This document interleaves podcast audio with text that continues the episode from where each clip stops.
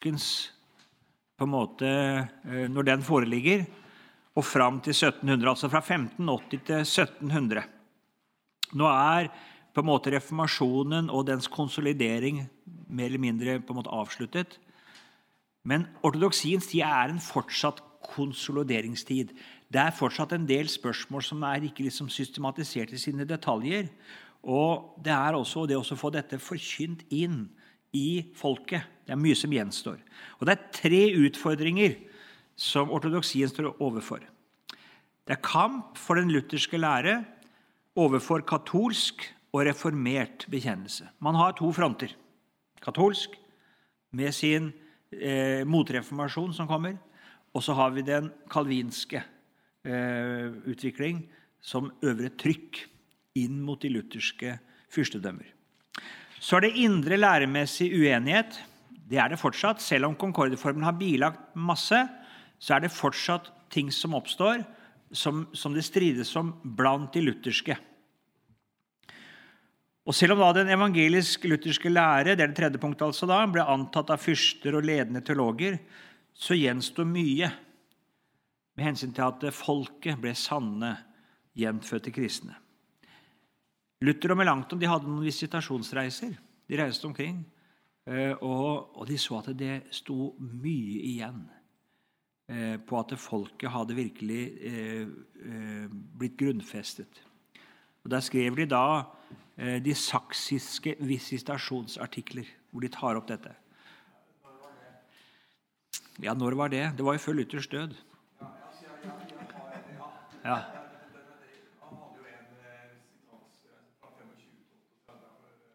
Ja.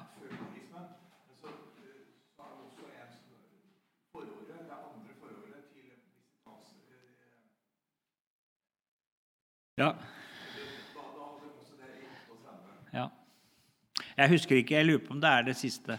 Så, så Ja. Og ja, jeg, jeg, jeg, husker ikke. Jeg, jeg, vil tro det er fra den tiden der. Og det som man særlig tar opp der, helt i starten, det er jo nettopp det vi har vært litt innom. Selv om, selv om, Agricola ikke på en måte nevnes der, så er det denne tankegangen at eh, evangeliet skal gjøre alt. Eh, fordi man har forstått at mennesker blir frelst ved tro på evangeliet, så skal evangeliet forkynnes, tenker mange. Og så, Luther, og så glemmer de altså hvordan mennesker kommer til troen. Nødvendigheten av å forkynne loven altså til synserkjennelse det er en vesentlig sak i disse visitasjonsartiklene. Så, så noe av de stridighetene som blir litt etterpå, de, de ser Luther allerede er under utvikling og tar oppgjør med. Ok, Vi får la det ligge. Det som preger kampen da, eh, i den tiden, er ikke minst da dette med kryptokalvinismen. Altså disse filippistene og deres etterfølgere på en måte som, som drar i retning av kalvinisme på Luthers mark. Eh, nå var det slik at eh, noen av disse ja, man man så jo da en sånn skjult kalvinisme både her og der. Og man gikk jo til fells relativt brutalt. Og det var ikke mye forståelse for at noen kanskje ola seg litt uheldig. Eller. Så, så den, noe av denne striden er ikke alltid er like trivelig. Ja.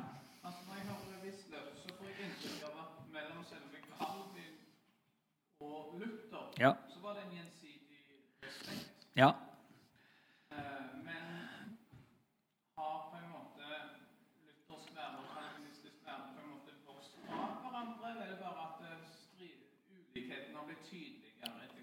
Ja, ulikheter blir tydeligere. Calvin så jo opp til Luther på mange måter og mente seg vel kanskje også å følge Luther, men han gjør ikke det.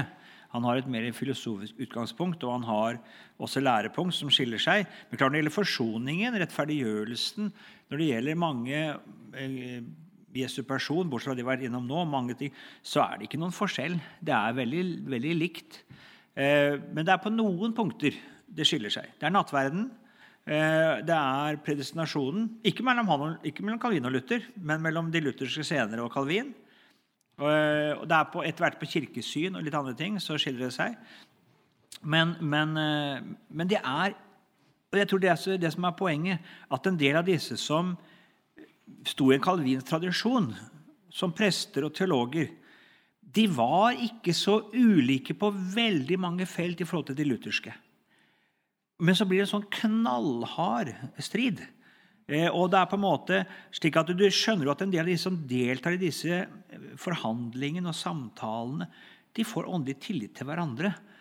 Men så har de fyrster, og det er på en måte en sånn kultur at dette skal vi, de skal utvises. Det, skal liksom, det er jo enkelte som må flytte, for fyrsten skifter. ikke sant? Og så må jeg, da kan jeg ikke være der lenger, så må jeg være et annet sted. Og det er ganske sånne harde følger.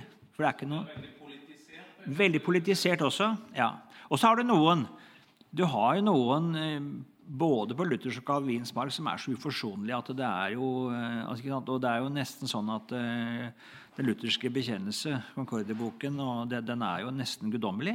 Altså, man, man Ja, men det er faktisk noen som går i retning av å tenke at den er inspirert av store lutherske teologer. Så, så, og da går man for langt. Og vi møter det også i dag. jeg møter det. Noen som vi kaller altså konfesjonelle lutheranere. Altså det er hvis du altså viker litt grann, Når jeg har hatt noen reservasjoner på noen ting i Concorde-formelen, og da er jeg altså Da er jeg vranglærer øh, med to streker under det svaret. Og da er det knallhardt. Da kan ikke vi ha noe samfunn. Ja.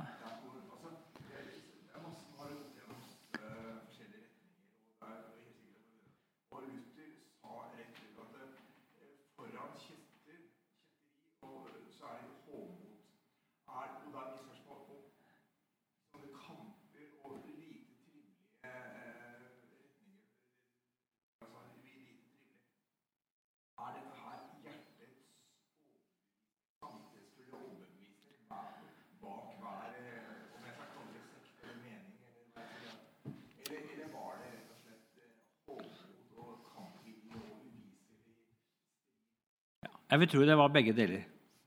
Det var begge deler, ja. Det er, altså, det er klart at sånn som en Johan Gerhard han sto i strid, han. Men det var et varmt, bankende hjerte der. Og han, han hadde ikke den uforsonlige holdningen. Jeg tror han lider mye under dette. her sånn. Så, og Det møter oss flere av disse her. Altså, men, men, det er likevel sånn at de er veldig bevisst på hva som er Skriftens lære, og de er tydelige på det. Og de er tydelige på det at vi er ikke enige med deg. Men det betyr at, at de kunne være enige i den veldig politiske hardheten som fulgte av en konsekvens som ble trukket. Eh, for man kunne ha åndelig tillit til noen altså, som sto på andre sida av gjerdet. Eh, samtidig som man var veldig tydelig. Jeg er ikke enig. Her lærer vi annerledes. Eh, og, og kunne fremme det med ganske tydelige og skarpe ord. Så ja, vi får la det ligge. Det er også strømninger i tiden som preger den teologiske utvikling. En ny interesse for Aristoteles gjør seg gjeldende. Og nå ønsker man ikke å underordne teologien filosofien, men man vil gjerne bruke de begrepene eh, fra Aristoteles. Man syns at de kan være greie å bruke. Og så blir det likevel sånn at Aristoteles kommer til å eh, påvirke teologien. Det er ikke likegyldig hvilket begrepsapparat og hvilken på en måte eh, For der ligger et, et filosofisk system under begrepene. Og det kom til å prege teologien. Den blir skolastisk, og den blir spekulativ til dels. Det, vi har det, altså en tendens til det. Nå har det ofte vært slik at Pietismen har fått skylden for alt det nye som kommer inn i teologien. Og Det er for ensidig. Eh, rent dogmehistorisk så kommer ikke pietismen med særlig mye nytt. Og den bygger videre på tanker og strømninger som er til stede i ortodoksiens tid. Det er nesten ingenting av det som pietismens teologer kommer med, som ikke har vært der i ortodoksiens tid eller hos Luther. Det er ikke noe nyskapende. Eh, det er mest på det praktiske området. det. Og Derfor kan det være nyttig å se altså ortodoksien og pietismen mer samlet. Og se at her er det på en måte um, nok en, en ulik um, vektlegging hos teologer både i ortodoksiens og pietismens tid, og at det er, det er på en måte eh, Jeg kan ikke kalle det fløyer, men tendenser som gjør seg gjeldende i begge epoker. Våkne og fromme prester i ortodoksiens tid de så det. Vi sang det her til åpning i dag, altså at uh, av døpte vrimler stad og land, men hvor er troens brann? Det er Brorson i Pietisme 10 som skriver det. Det kunne man gjerne ha sunget og sagt også i ortodoksiens tid. Det kunne Johan Arnt ha sagt, det kunne Paul, nei, både Paul og Johan Gerhard ha sagt. Det var altså ortodoksiens egne menn som talte slik. Og pietismen tar opp igjen den på en måte kritiske, selvransakende tone som man har møtt hos ortodoksiens eh, teologer og prester. Vi skal merke oss det at det veldig mye av det som leses av oppbyggelsesbøker i hele pietismens tid, de er skrevet til ortodoksiens tid. Om det er Arnt eller Skriver eh, eller Gerhard altså, Det er det man leser. I Norge, hvis du leser oppbyggelsesbøkene, det er veldig få som leser Spener og Franke. Han leser Arnt, Gerhard eh, og, og, eh, og, skriver. Altså ortodoksiens teologer. Det er de man leser. Bare merk dere det. Eh, Johan Arnt han ble allerede i sin samtid anklaget for ikke å være eh, ortodoks-luthersk. Men man, han ble aldri egentlig han, han, ble vist stor tillit. Han fikk høye stillinger. Han var Johan Gerhard den store, liksom, det vi kan kalle for eh, den, den eh, klassiske ortodoksis, liksom den, den liksom, standardverket i ortodoksiens teologi. Det er Johan Gerhard. Han var hans sjelesørger og gode venn. Eh, så, så, så allikevel så kan vi nok møte en tendens hos Arnt som, som eh, Men allikevel det var ikke slik at han var på en måte langt ute på galeien. Det tror vi ikke kan si. Det er ingen bøker som Johan Arns eh, bøker om sanne kristendom som har hatt så stor betydning for kristenheten i Europa. Det er få bøker som har hatt det. Vi kan se på noen sentrale ortodokse teologer. Leonard Hutter han lever fra 1563 til 1616 og er professor i Wittenberg. Han er altså en av disse som holdt Concordia-boken meget høyt og nesten anså den for å være inspirert. Eh, fra et luthersk synspunkt er dette skummelt. ikke sant? For det er å gjøre tradisjonen For vi må si at bekjennelsen hører med til den, den, den tradisjonsstoff. Eh, som et kirkemøte ikke sant? i den katolske kirke så har det pavens uttalelser, og så får det på en måte autoritet ved siden av. Og da skulle tenke sånn om den lutherske bekjennelse, det er strid jo med selve den lutherske bekjennelse sjøl, Skriften alene. Så, så, det er jo meget problematisk med et sånt synspunkt. Han mente å finne lutherdommen altså allerede i GT. Og det er en sånn snu ting på hodet, tenker jeg. I stadig kamp mot jesuitter og kalvinister. Men han var en pedagogisk begavelse og hadde stor betydning. Johan Gerhard han studerte først i Wittenberg, så i Jena og Marburg. Da Marburg ble kalvinsk, se, poenget, og fyrsten han skiftet side, ikke sant? så måtte han tilbake til Jena. Eh, og det var det mange som opplevde den tida. sånn. Fyrsten endret standpunkt, eller kanskje neste generasjon kom. eller ja, Og så, eh, så plutselig så var man ikke velkommen lenger som prest, som biskop, som, som professor, og måtte flytte.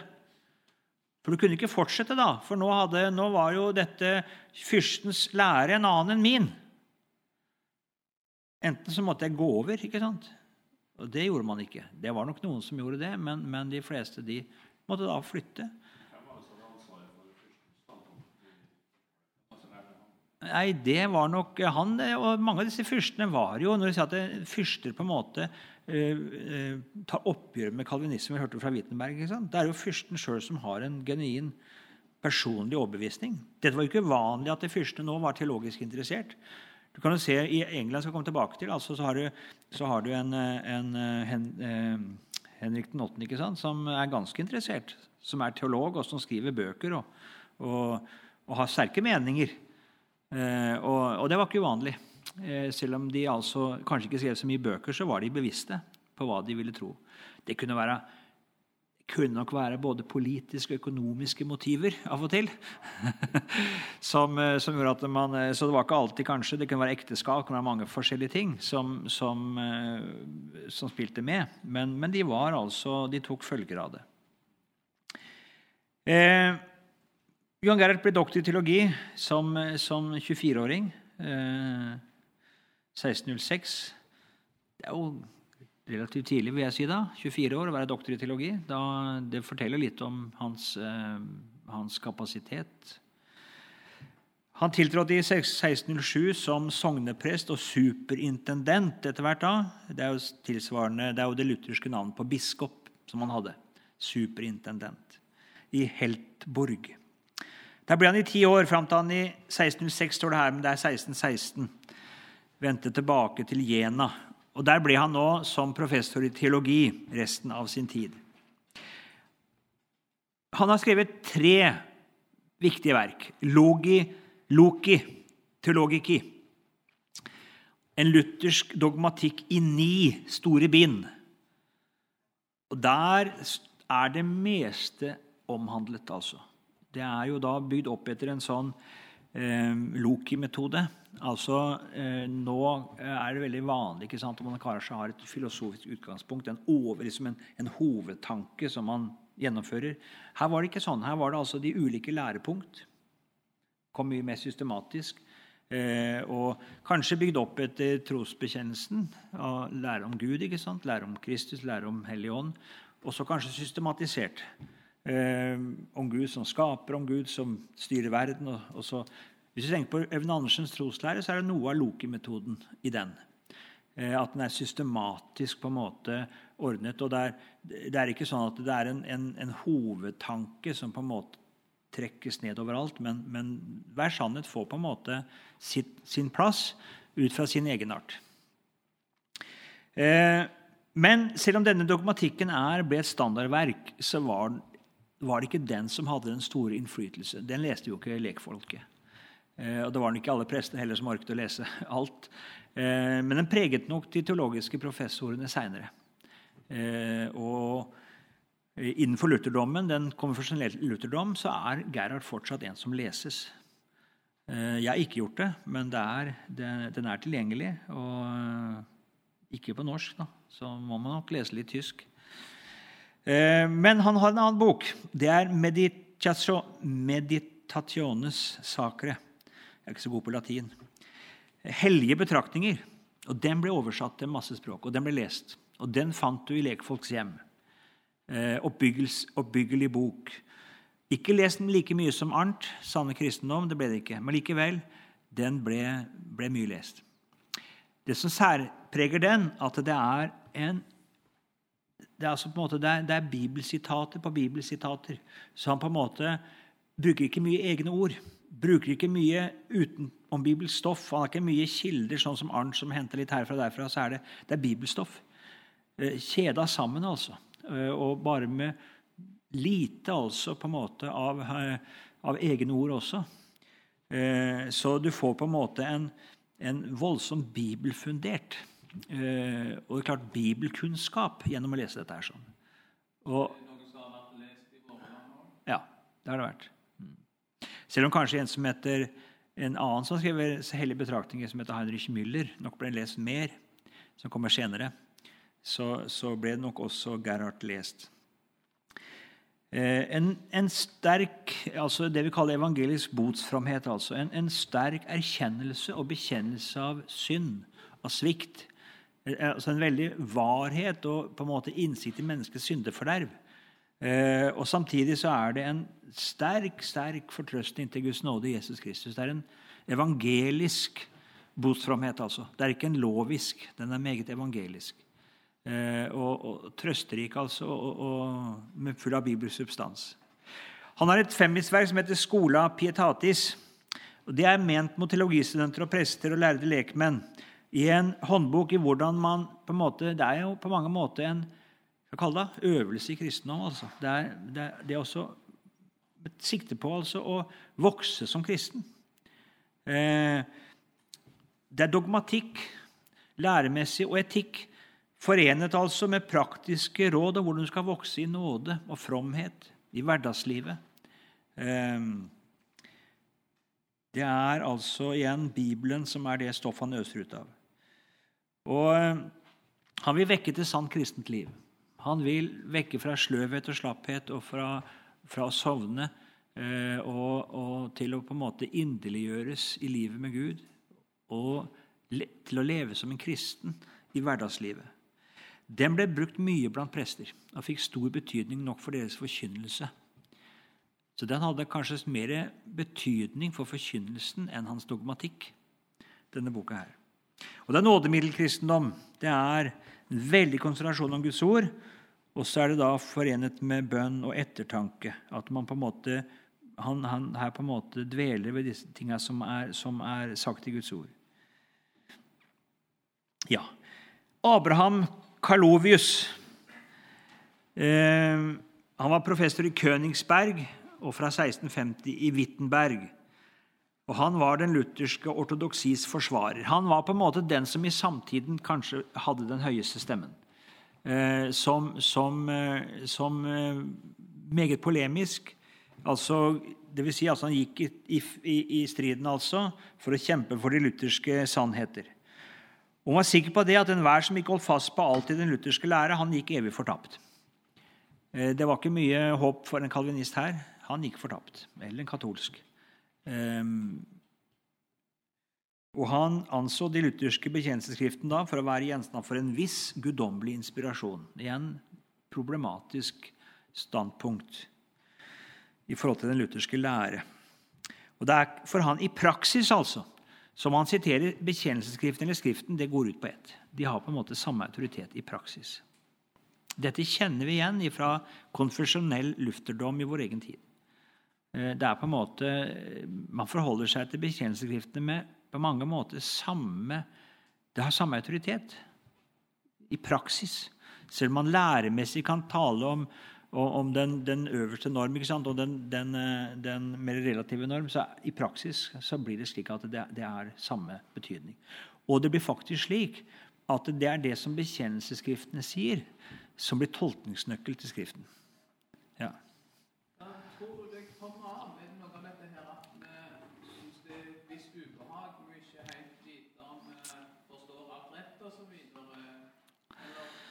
Her tror jeg det har noe med det som jeg nå skal snakke om hovmot, og noe med på en måte det å, å kanskje Her ender det opp i noe, kanskje noen kjødelig, en kjødelighet her i striden. Eh, og, og, manglende ydmykhet, manglende erkjennelse at vi forstår stykkevis og ser stykkevis. ikke sant? En veldig hardhet.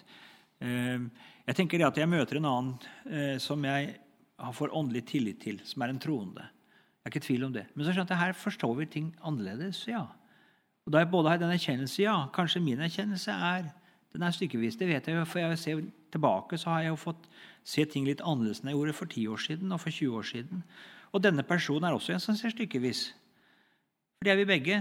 Og det at vi er uenige, kanskje jeg mener, er at nei, her er han på ville veier. Her, ja. Og likevel så tenker jeg det. Ja, det hører med til det å være en troende også, og ikke forstå alt. En, en Peter som sier til Jesus dette må aldri hende. ikke sant? Det, det må ikke skje. Ja, Peter, åssen var det med deg? Altså, Uklarhet i snakk om forsoningen og Jesu lidelse og død. Uh, han får åpenbart seinere en duk som kommer ned og knytta dette med hvordan forholde seg til seremoniallov. Ja, han må opplæres i det. Og vi ser at han vakler senere også. Ja, han var en troende. Han var det. Men her er det på en måte en sånn Og jeg tenker altså det, da, det må bånde i en manglende selverkjennelse, tenker jeg. En manglende på en måte ydmykhet når man kan være så hard med andre.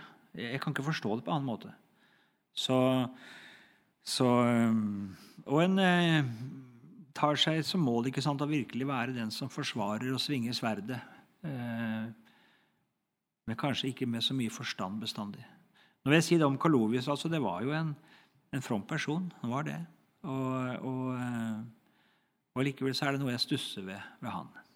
Ja.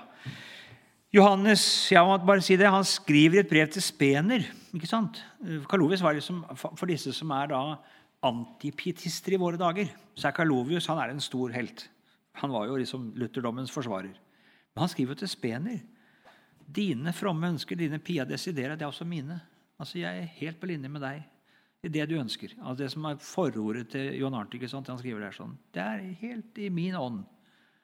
Så Det er litt interessant å se at uh, for i ettertid så har Kolovis på en måte blitt den som var antipietist før pietismens tid på mange måter. Men han var helt på linje med Spener. Altså, så det er jo litt interessant.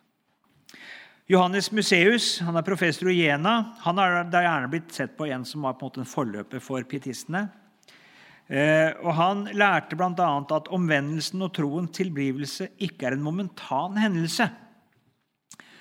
Dette er litt interessant, og jeg vet ikke hvor mye tid vi skal bruke på det, men, men det er altså noe som kan strekkes over noe tid. At omvendelsen er en prosess. Og Der er det en kamp i mennesket før troen bryter igjennom, og mennesket kommer til en frelsende og rettferdiggjørende tro. Det er slik at det, det er noe her som Det skapes på en måte en viss kanskje både lengsel og tillit og, og han om, taler om spede troskrefter og, og, gode bevegelser. Og så står kjødet imot. Og så er det en kamp der før et menneske bryter igjennom. Eh, det gikk Kalovius da knallhardt imot. Dette kalte han pelagianisme. Her så han altså en, en synergisme, en, en, slags sant, At mennesket er med. Eh, og det har jo gjerne blitt lært siden også om dette. Eh, Wittenberg-teologene da, med Karlovis i spissen de lærte at eh, de forberedende nådevirkningene de var klar over det. Eh, at det var noe forberedende her. Men det kan strekkes over noe tid. Men troen kommer til i et øyeblikk. Det er en momentan sak. Da går det over fra døden til livet. Eh, igjen så tror jeg ikke vi skal overdrive forskjellene. Jeg tror her snakker man dels forbi hverandre. Eh, og man, man, bruker ulike begrep. Eh, for, for, eh, for Museus vil også si det. Han taler om det øyeblikket da troen bryter igjennom. Nå kan du jo da skildre dette som en fødsel. ikke sant? Og Hva med da unnfangelsestiden, altså fostertiden? ikke sant? Hva skal vi si om det? Det er fødselen er ganske momentan. Den kan dra utover noe tid, den også, så er den ganske momentan. ikke sant? Men det har jo vært noe som skjer før det. Og, og da, så, så jeg tror på at det er litt som hvordan man tenker om det. Tenker man på en måte at det, det er helt klart, det er, Du går over fra døden til livet. det er, Og du kan kanskje si at ja, jo, det skjer da. Men, og det vil også museet si, at det, det er altså et punkt hvor vi kan si at nå er du kommet til rettferdiggjørende og frelsende tro. Og Det kan være punktuelt. Men hva med det som er før? Kommer troen til som et lynnedslag, eller er det en viss erkjennelse? Og et, en, en viss, altså noe her sånn Ja. Ja. ja. Og, og tidsfesten er veldig vanskelig for oss. ikke sant? Når, når var troen tent? Ja. Ja visst, ja visst. Helt feil. Ja. Det som da de wittenbergske teologer understreker, da, at før et menneske kommer til tro, så er det kjødelig og dødt i forhold til alt godt. Anger, alle beslutninger om å gjøre godt, er rent kjødelig. Du har ikke kommet til tro ennå. Det er det gamle menneskets eh, eh, gjerning, alt sammen, og det er under dom. Gud virker visselig, sa man i Wittenberg, på menneskets hjerte. Men hjertet er dødt helt fram til troen kommer og mennesket fødes på ny. Så Her mente Kalovius da at Matteus' lære den var i stikk mot Jesu ord i Matteus 7, 17, om at et dårlig tre kan ikke bære god frukt. Eller Johannes 15, ikke sant? Hver, tre på meg, altså hver gren på meg. altså er, Enten er du en levende gren, eller så er du det ikke. Eh, igjen så tror jeg man kanskje snakker forbi hverandre. For det som jo da Kalovi snakker om, han snakker om det som følger på troen på en levende tro, om frukt. Mens Museus taler jo om hvordan troen blir til. Så det er liksom det er, det, er ikke, det er, ikke, helt den samme sak de taler om. Og igjen så det, spør jeg meg hvor mye er det egentlig av reell motsetning, og mye, hvor mye er det av ulike synsvinkler? Kom tilbake til dette. Synsvinklene i pietismen er mye sterkere på en død og levende tro, og også på det, hvordan et menneske kommer til tro, og hvordan det personlig erfares. Mens i ortodoksien er det mye mer det objektive, hva som skaper troen. og på en måte, Det, er et annet fokus. Det er et, annet, det er et, et mer dogmatisk eh, synsvinkel. Så av og til så tror jeg man snakker mer forbi hverandre enn at det er en reell læremessig motsetning. Museus mente å følge John Gerhard. Det gjorde også Kanologus. Begge mente at de hadde støtte hos Gerhard. Og det tror jeg de hadde. Kvenstedt eh, var professor i Wittenberg. Han bygde ut det ortodokse læresystem til fulle da, etter Loki-metoden. Eh, og meget from teolog. ikke sant? Han anbefalte sine studenter å lese Arnts sanne kristendom. Eh, igjen, altså. Arnt var ikke suspekt, selv ikke blant meget sentrale ortodokse teologer. Eh,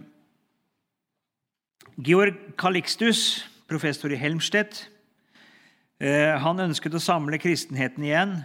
Han så tilbake på kristendommens første 500 år og så mente han at til tross for store læreforskjeller så var det én kirke.